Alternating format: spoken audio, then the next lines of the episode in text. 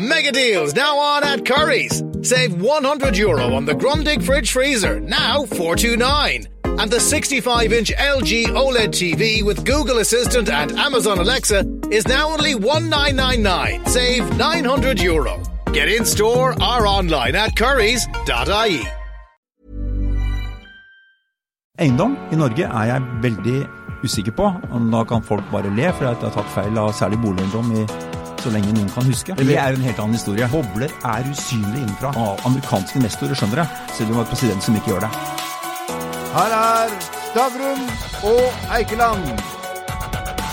Karl Magnus Andreassen, du er da sjefsøkonom i Sparebank1 Markets. Det er jo mange som har blitt fyllesyke av å drikke øl i korona. Men den fyllesyken verdensøkonomien nå opplever etter koronaviruset, det må jo være tidenes største hangover. Hvor ille kan dette bli? Det er jo ikke sånn at um, et kvartal med et hakk i kurven betyr at verdensforløpet blir noe annet enn det det ellers ville vært når vi ser et par-tre kvartaler frem. Uh, og det skal ganske mye til at uh, uh, vi ikke får kontroll på koronasmitten. Det vil kunne kreve tiltak og nedstengning, som vi da ser i Italia og Sør-Korea og har sett da i Kina. Så det kan godt trekke inn i annet kvartal. Men det er ikke noen god historie f.eks.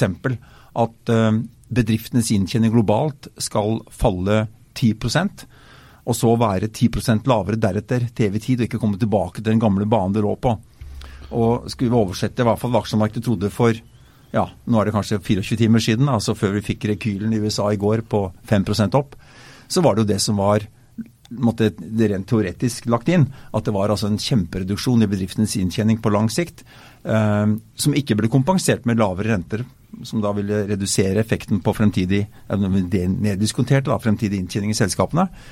Um, så vi har, det er det at markedene faller mye når slikt skjer, det, ja, det vet vi er tilfellet. Uh, og det er vel mye vurdering av risiko. Og den vurdering av risiko blir på en måte, ikke irrasjonell, så iallfall når vi ser tilbake på det etterkant, overdreven. Men la oss, la oss stykke det opp litt. Uh, la oss begynne med, med bruttonasjonalproduktet i Kina og kanskje hele verdensøkonomien. Hvordan vil den vanlige lønnsmottaker i Norge oppleve dette? Nei, altså Jeg tror effektene på norsk økonomi eh, av at vi får et hakk i vekstkurven i Kina i et kvartal, den er ganske, ganske liten. Kanskje jeg kan fleipe, kanskje den største effekten er at jeg er ikke sikker på om man får kjøpt hagemøblene i mai. eh, men det, er, det, skal mye til at eh, vi får alvorlige produksjonsproblemer eller etterspørselsproblemer i, i vår økonomi som følge av, um, av korona. Men det vil, da, gå, det vil, gå, glipp av nå allikevel? Altså De turistene som ikke kommer nå, de flyreisene som ikke tas ja, nå? selvsagt det er. Og det er klart at vi, vi da har lavere aktivitet i både i Kina og også i verdensøkonomien i annet kvartal. Og det vil være i mange tilfeller så vil I noen tilfeller så er det da eh, ans, altså mindre jobb for noen. Eh, det er nok ikke sånn at hotellene sier opp folk, f.eks. Eh, eller flyselskap sier opp folk, selv om de, om de, da legger ned eller eh, avlyser noen avganger på over en uke eller tre eller to måneder på fly. Så, så på, på, litt kort sikt så blir det litt latere dager for folk som jobber i restaurantnæringen?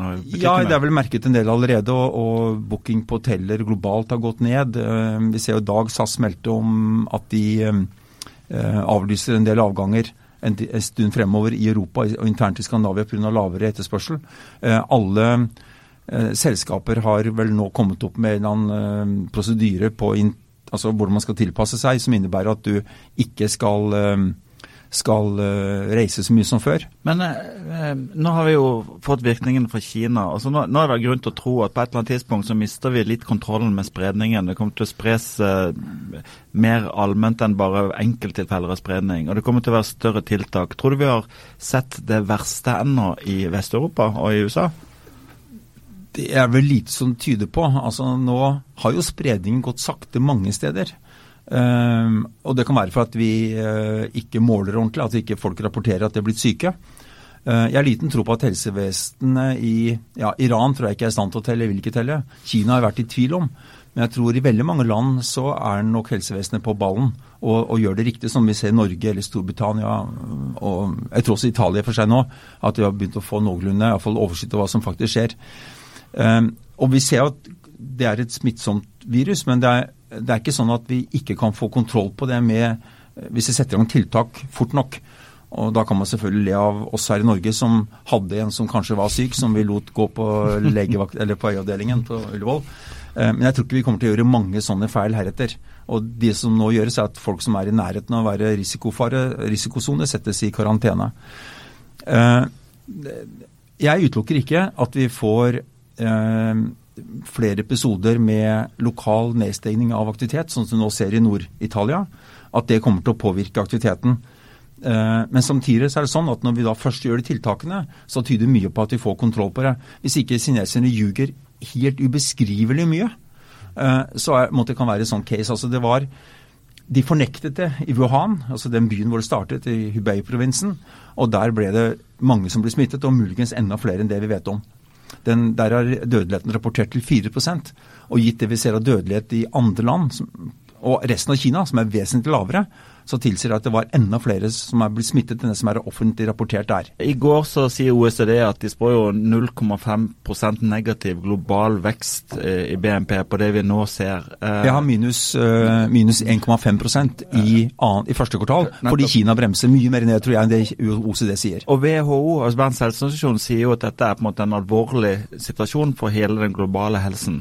Ja. Eh, og Vi lever i en global verden hvor folk reiser. Det er vanskelig for å se for meg at man virkelig klarer å hindre spredning av virus. Altså, Nei, Det er i 65 land allerede, nettopp, eh, så storparten av verden har det. Mm. Eh, men det er ikke ekstremt smittsomt. Mm. Så der man eh, er på jakt etter det, og mm. befolkningen blir oppmerksom på det, mm. så tror jeg vi kommer til å se en, sikkert en del lokale utbrudd, mm. men at det ikke blir på nasjonalt nivå, at ikke man må stenge ned land. Altså, storparten av Kina ble jo parkert mm. ja. fordi at uh, man ville forsikre seg om at det skulle stoppe spredningen. Og man lykkes med det. Mm. det. det. ble svært få smittede utenom Hubei-provinsen. Altså, vi snakker om 10-20 per million. Mm. Jeg tror ikke at dette kommer til å altså det kommer til å prege statistikkene for første kvartal så det suser. Mm. Det kommer til å prege veksten i 2020 i snitt. Bare at vi mister av produksjon i Kina i en, en, del av kvartalet.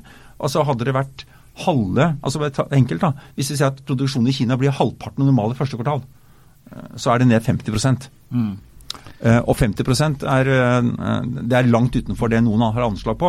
Og jeg tror ikke det blir så mye. Jeg sier 10, mm. men det kan bli mer enn 10% ned. Men de, da, den, da, vil det falle 10 i, eh, i, i, første kvartal, og så vil det bli enda sterkere vekst i andre, eller sum av andre og tredje kvartal, så vil vi komme tilbake på den opprinnelige vekstbanen igjen. Det er ikke slik at dette har påført oss et banesår som gjør at økonomien vil vokse saktere i lang tid fremover, tror jeg. Men det er jo ikke sånn at dette skjedde i et vakuum heller. Altså Før dette skjedde, så var jo ganske mange bekymra for, eh, for, prisingen på verdens børser. Og det, det vi, er en helt annen historie. Og det vi har sett bakover, det er jo, det er jo at vi aldri er i stand til å forutsi finanskriser. For det, det var som trigger hver nye finanskrise forandrer seg. Hvorfor kan ikke dette trigge en ny finanskrise?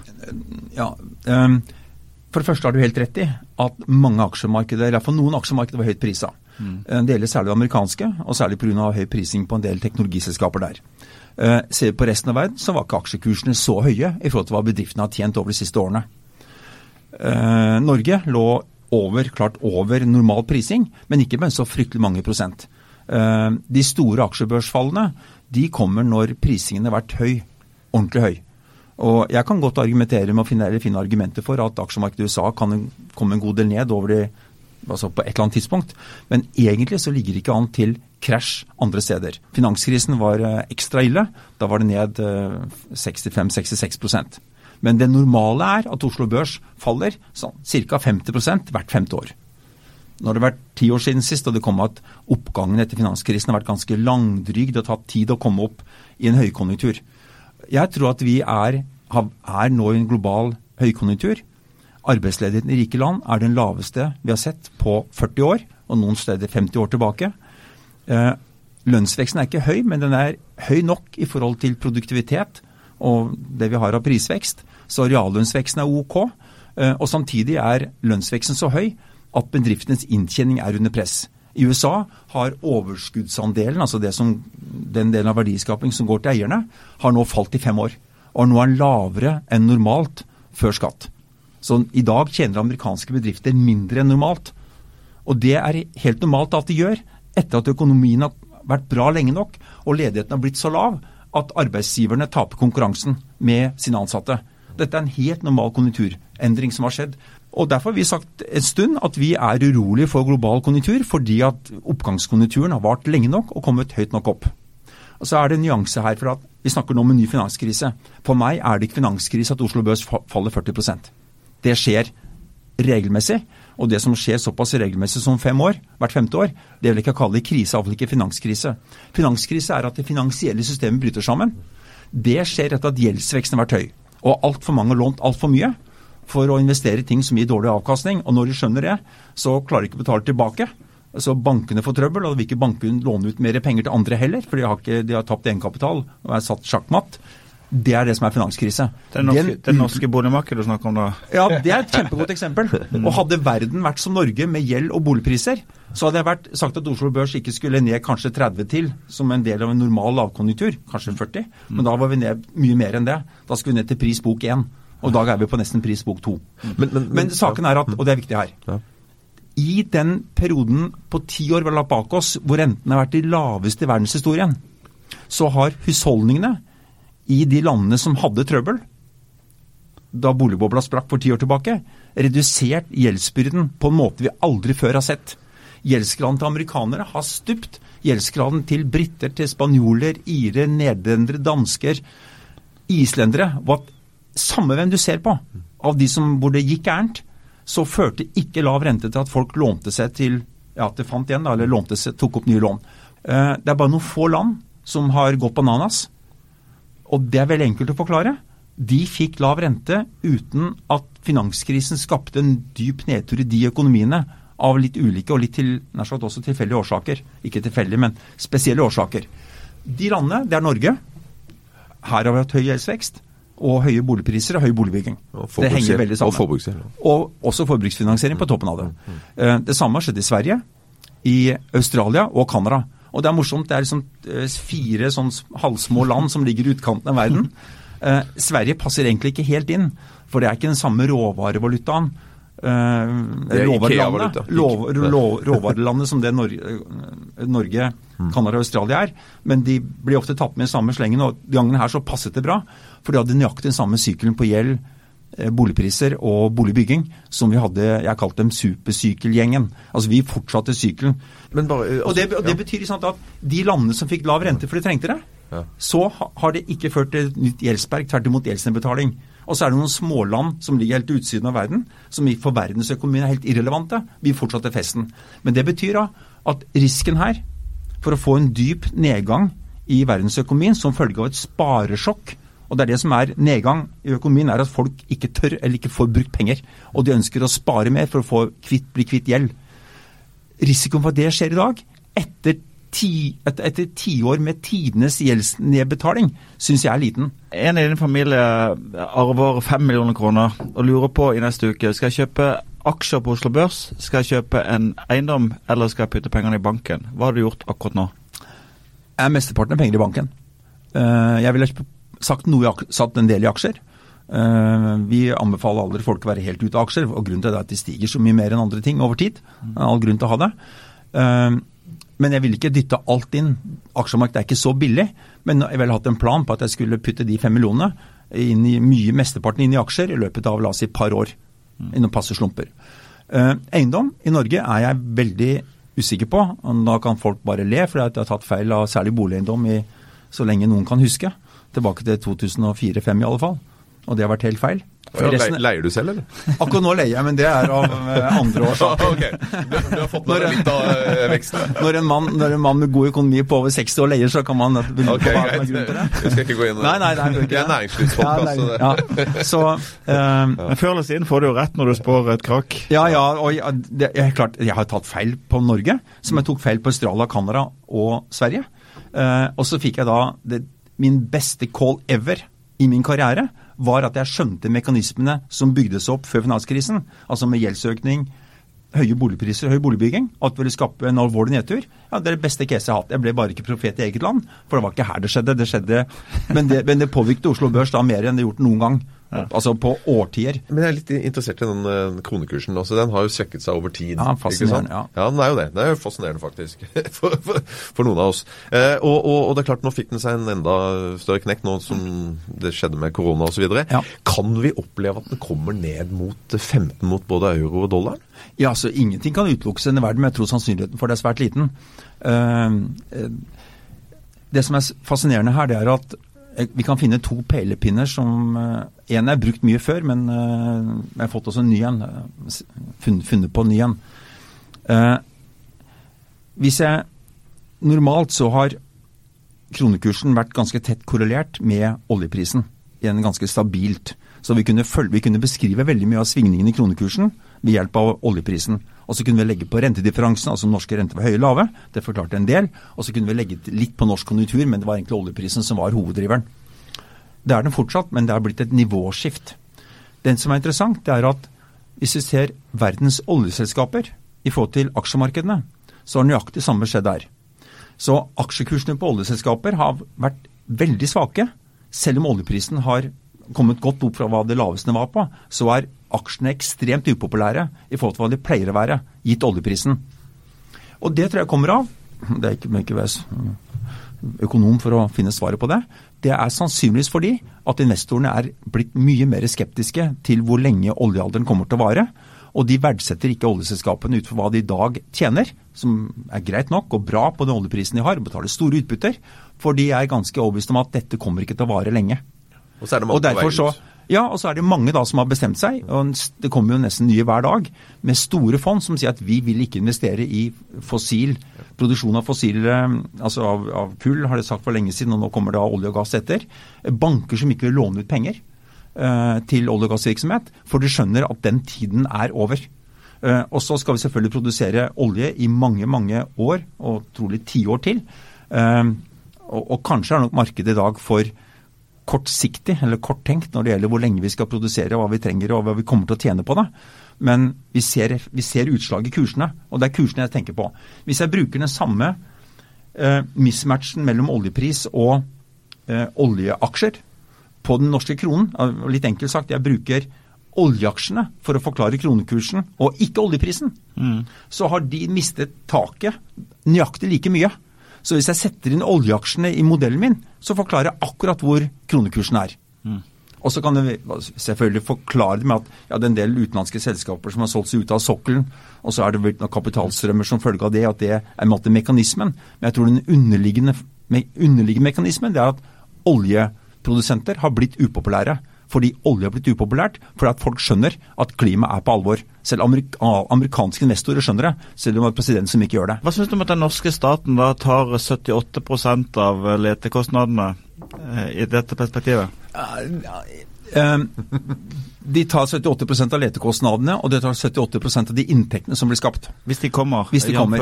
argumentet ditt. Ja, Uh, og dette var, Det gjelder jo da for de selskapene som da ikke har inntekter. eh, som da kan få så å si forskuttert uh, letekostnadene sine ved skatterefusjon. Ja, for mitt, mitt hovedpoeng er egentlig ikke at vi subsidierer hvis du tenker over et, over et felt som viser seg å lønne seg og vi får skatten tilbake igjen. Men i en verden hvor ingen andre, eller få, vil finansiere framtidig oljevirksomhet, så, så finansierer vi jo det med en tro på at vi får disse pengene om 20-30-40 år. da. Ja, det er riktig, og det, det er tema for diskusjon. Er det sånn at det er ikke stopp i andres investeringer? altså Investeringsnivået på olje har falt fra la oss si 1000 milliarder per år dollar til 500. Så det er jo ikke sånn at det ikke det letes etter og, og, og øh, produseres fra olje for nye felt. Og en annen ting er verdt å huske på. altså Hvis vi slutter å investere i ny produksjonskapasitet ikk- på eksisterende felt, altså ikke bore mer der for å finne mer olje på det eksisterende, og ikke, let, ikke sette i gang produksjon på nye felt, så vil oljeproduksjonen falle 6-7 per år. Og samme hvilket grønt scenario vi lager, så er vi heldige hvis flater, hvis etterspørselen flater ut. Akkurat nå så stiger den omtrent akkurat som før. Jeg tror at vi skal, jeg mener at vi burde sette i gang tiltak på globalt nivå, og i hvert enkelt land som får det til, for å få oljeetterspørselen ned. Men det er ikke én det er ikke én som har tenkt å foreslå at produksjonen skal falle med la oss si 5-7 i året. Så det betyr at vi må fortsatt produsere olje fra felt, fra ting som vi ikke i dag har. Men bare for å ha sagt det, eh, når det gjelder dette skattesystemet vi har hatt innenfor oljeindustrien, så har jo det vært gull verd økonomisk for Norge. Og så har det vært fantastisk. Hadde vi ikke hatt det, så hadde vi jo Ja, vi har tatt inn grunnrenten på en måte vi burde gjort på andre næringer også, Ja, ja. innimellom. Jo, jo, men likevel Få se på hvilken næring det er. Nei, vi kan ikke om det nå. Jo, jo, men, men, men, men, når det, Det har noe med, det har noe med havet å gjøre. men bare, til- veldig, kort, veldig kort svar. Men nå skal renta ned. Hvor mye da? Ja, det, altså jeg må si at Hvis du ser på norsk økonomi i dag, så er det ikke noe argument for å kutte renta. Der renta har effekt, det er på valutakursen, og den er svak nok. Og Vi kan jo lure på den, hva den effekten har vært i det siste, men i alle fall, selv om vi har langt høyere rente enn utlandet, så er kronekursen skittsvak. Jo, men, Den andre det har effekt på, det er husholdningene. Og når vi ser på husholdningene frem til iallfall i går, altså, altså et halvt år tilbake, så var gjeldsveksten fortsatt høyere enn inntektsveksten. Eh, vi, har, ha, vi hadde høy boligbygging eh, og høye boligpriser. Den dagen norske husholdninger bestemmer seg for å redusere gjelda, som de har gjort i Danmark, i Nederland, i Storbritannia, USA og mange mange andre steder, så skal jeg mer enn gjerne stå på bankplassen foran Norges Bank og rope på sett renta ned og hjelp folket ut av gjelda. Men så lenge vi, vi har begynt å bytte litt på gjeldsveksten nå, men den er ikke så lav at Norges Bank burde bruke det som argument. Og det mener jeg er det viktigste for å sette norske renter ned. Realiteten er følgende. De siste ti årene har gjelda økt mye mer enn den kan gjøre.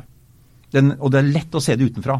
Innenfra så syns vi det er helt greit. Men husk på det, bobler er usynlige innenfra.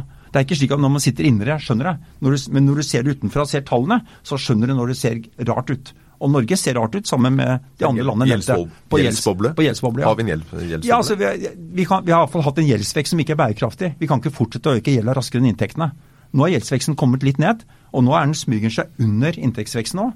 Det kan være forbrukerbanken innstrammingen, gjeldsregisteret, det kan være renteøkningen. Eh, men, det er ikke sånn, men det er ikke sånn nå at vi ser at vi har begynt å få en, en, eh, en, eh, en gjeldsnedbygging som er ubehagelig rask. Og så husk på det at på tross av at vi har satt opp stengsler som vi aldri før har hatt, på 85% på femgangeren, på stresstest Hvis du ser hvordan de kriteriene, de grensene Jeg kaller det fugleburet. Jeg plotter alle ut fra en graf som også Finanstilsynet laget. Jeg plotter alle lånene som er gitt i forhold til 85 av femgangeren. Altså 85 til boligverdi er fem ganger inntekt. Og så ser du hvordan det er. Altså, kjempe, altså Store deler av gjelda er opp imot de grensene.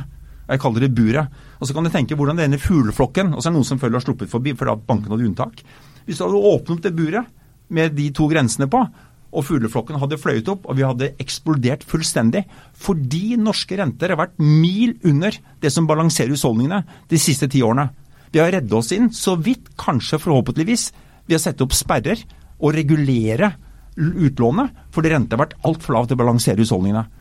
Og For bedriftene så er ikke den dagens rente viktige. Det er tilgang på kreditt, det er vurdering av utsiktene for etterspørsel og andre ting som driver investeringene. Eh, mens på husholdningene så er prisen på kreditten avgjørende. Og kronekursen kanskje. Men når de to ikke gir meg kuttsignal, så er jeg veldig altså, Stemmer jeg ikke for rentekutt. Men, men eh, altså, kon konklusjonen her, da, det er jo da at eh, når det gjelder eh, boligprisene, de skal fortsatt ned, som du har sagt siden 2004. Nei, det har jeg ikke sagt nå. Jeg har, jeg har ikke noe case på det nå for 2020, men jeg sier at de er urovekkende høye i forhold til priser for øvrig, i forhold til inntekter, i forhold til husleie. Men du, jeg skjønner ikke det problemet. Altså Når renta er 2,5 eh, Det er jo ingen som har noe særlig problem med å betjene fem ganger inntekten sin hvis de tjener eh, rimelig bra og har en trygg jobb. Altså, betal Selvsagt ikke. Nei, så det skulle bare mangle om ikke det kunne la seg gjøre. Ja, Ja. Så hva er problemet, da? Nei, problemet er at uh, en lav rente førte til at vi gjennomfører nyinvesteringer i boliger hvor kravet til avkastning er dårlig. Vi har egentlig dårlig, altså Det er en dårlig kapitalbruk. Og Vi ser at boligbygging i Norge har vært, og i Sverige og Australia og Canada tilfeldigvis, har vært langt høyere enn i andre land. Og jeg tror langt høyere enn det, enn det vi på sikt trenger. Vi hører jo bare skrikinga at det ikke er nok rom her i Oslo. Ja, kan det i kan sikkert være. Ja, Kanskje kanskje Oslo, men altså gå til Stavanger, da. Ja, det er selvfølgelig special, special case, eller Kristiansand, hvor de har bygget mye hele veien. Eh, Norge er ikke i ferd med å gå tom for tomt. Eh, I Stavanger har boligprisene falt reelt sett 25% fra toppen i 2013. Stavanger var nummer to i landet på boligpris, foran Asker og Bærum, men bak Oslo. I dag ligger Stavanger på 11.-12. plass. Og som jeg liker å si, den er i Stavanger. Eh, boligprisen i Stavanger er nå lavere enn i Bodø, men inkludert Fauske. Men eh, det er ikke blitt ordentlig gærent ennå, for det ligger fortsatt litt over Hamar med Stange. Eh, Men det som er interessant, det, det, er det, er at, det er at dette Jo, jo, selvfølgelig, det er det jeg sier forteller det til. Så er det sånn at selv etter et boligprisfall på 25 så bygges det fortsatt bra med nye boliger i Stavanger. Fordi det er lønnsomt. Fordi ja, de må ta beatingen på tomta som har blitt mindre verdt, men det er fortsatt tomteverdi igjen, og de bygger. Jeg tror at dette kan være gjøres i mange steder, og jeg innser fullt ut at det er utfordringer på regulering i Oslo-området, men at ikke vi kan få bygget nok boliglandet her, når befolkningsveksten er lav, den laveste på 20 år, når inntektsveksten er fortsatt, reallønnsveksten har vært borte i fem år, seks år. Ja, jeg tror vi kan få bygget nok. Helt til slutt, og nå skal jeg utfordre deg til et veddemål. Innsatsen er en flaske rødvin. Du kan velge enten boligmarkedet eller aksjemarkedet skal falle 30% før nyttår. Jeg vedder på at ingen av de gjør det. Vil du velge en av de og velge en flaske Ja, rødvin? hvis det faller 30, så kan jeg få garantere det er aksjemarkedet. Det er ikke boligmarkedet. Skal vi ta en flaske rødvin? På at aksjemarkedet faller 30? Ja. Nei, det har jeg ikke så lyst til, for jeg tror det kan ta lengre tid. Men så når, vi, når jeg sier at det er Nå er vi mye mindre skeptiske til aksjemarkedet i dag. Men her kan ikke, jeg kan ikke vente til 2035. Nei, nei, nei, men husk på det. Det å ta vurdering av aksjemarkedet på en så kort horisont er meningsløst. Det jeg vet, og som er det viktige, det er at kjøper jeg billig, så får jeg bra avkastning over de neste årene. Kjøper jeg dyrt, så får jeg det ikke. I dag er aksjemarkedet litt, litt over midten, men ikke så mye at jeg Jeg er fortsatt kanskje marginalt undervektig, for jeg tror konjunkturen blir svakere fremover. Men eh, det, veddemålet har blitt usedvanlig mye bedre etter det aksjekursfallet vi hadde, har hatt inntil i dag. Derfor Og er Derfor så tror jeg ikke det faller 30 til i år. Derfor er jeg ikke rødvin sjøl, da. Gunnar, jeg tror iallfall konklusjonen er at man ikke skal gå inn i aksjemarkedet akkurat, eh, akkurat nå, for å si det fint. Det Ja, er, det kan være fristende, fordi at nå har det falt så mye, og mye mer enn det korona kan forsvare på lang sikt, og da vil det ofte komme tilbake. Nesten alle 10-15-prosentere. Eh, noen av dem er starten på det store, de store fallene. De fleste er det ikke, og det lønner seg nesten alltid. Altså I snitt så tjener du masse penger på å kjøpe etter et fall som du har gjort nå. jeg tar med meg rødvin.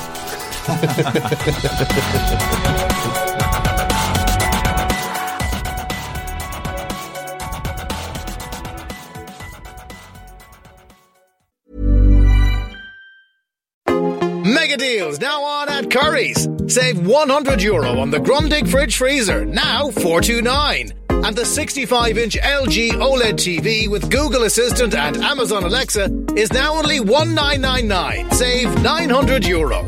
Get in store or online at currys.ie.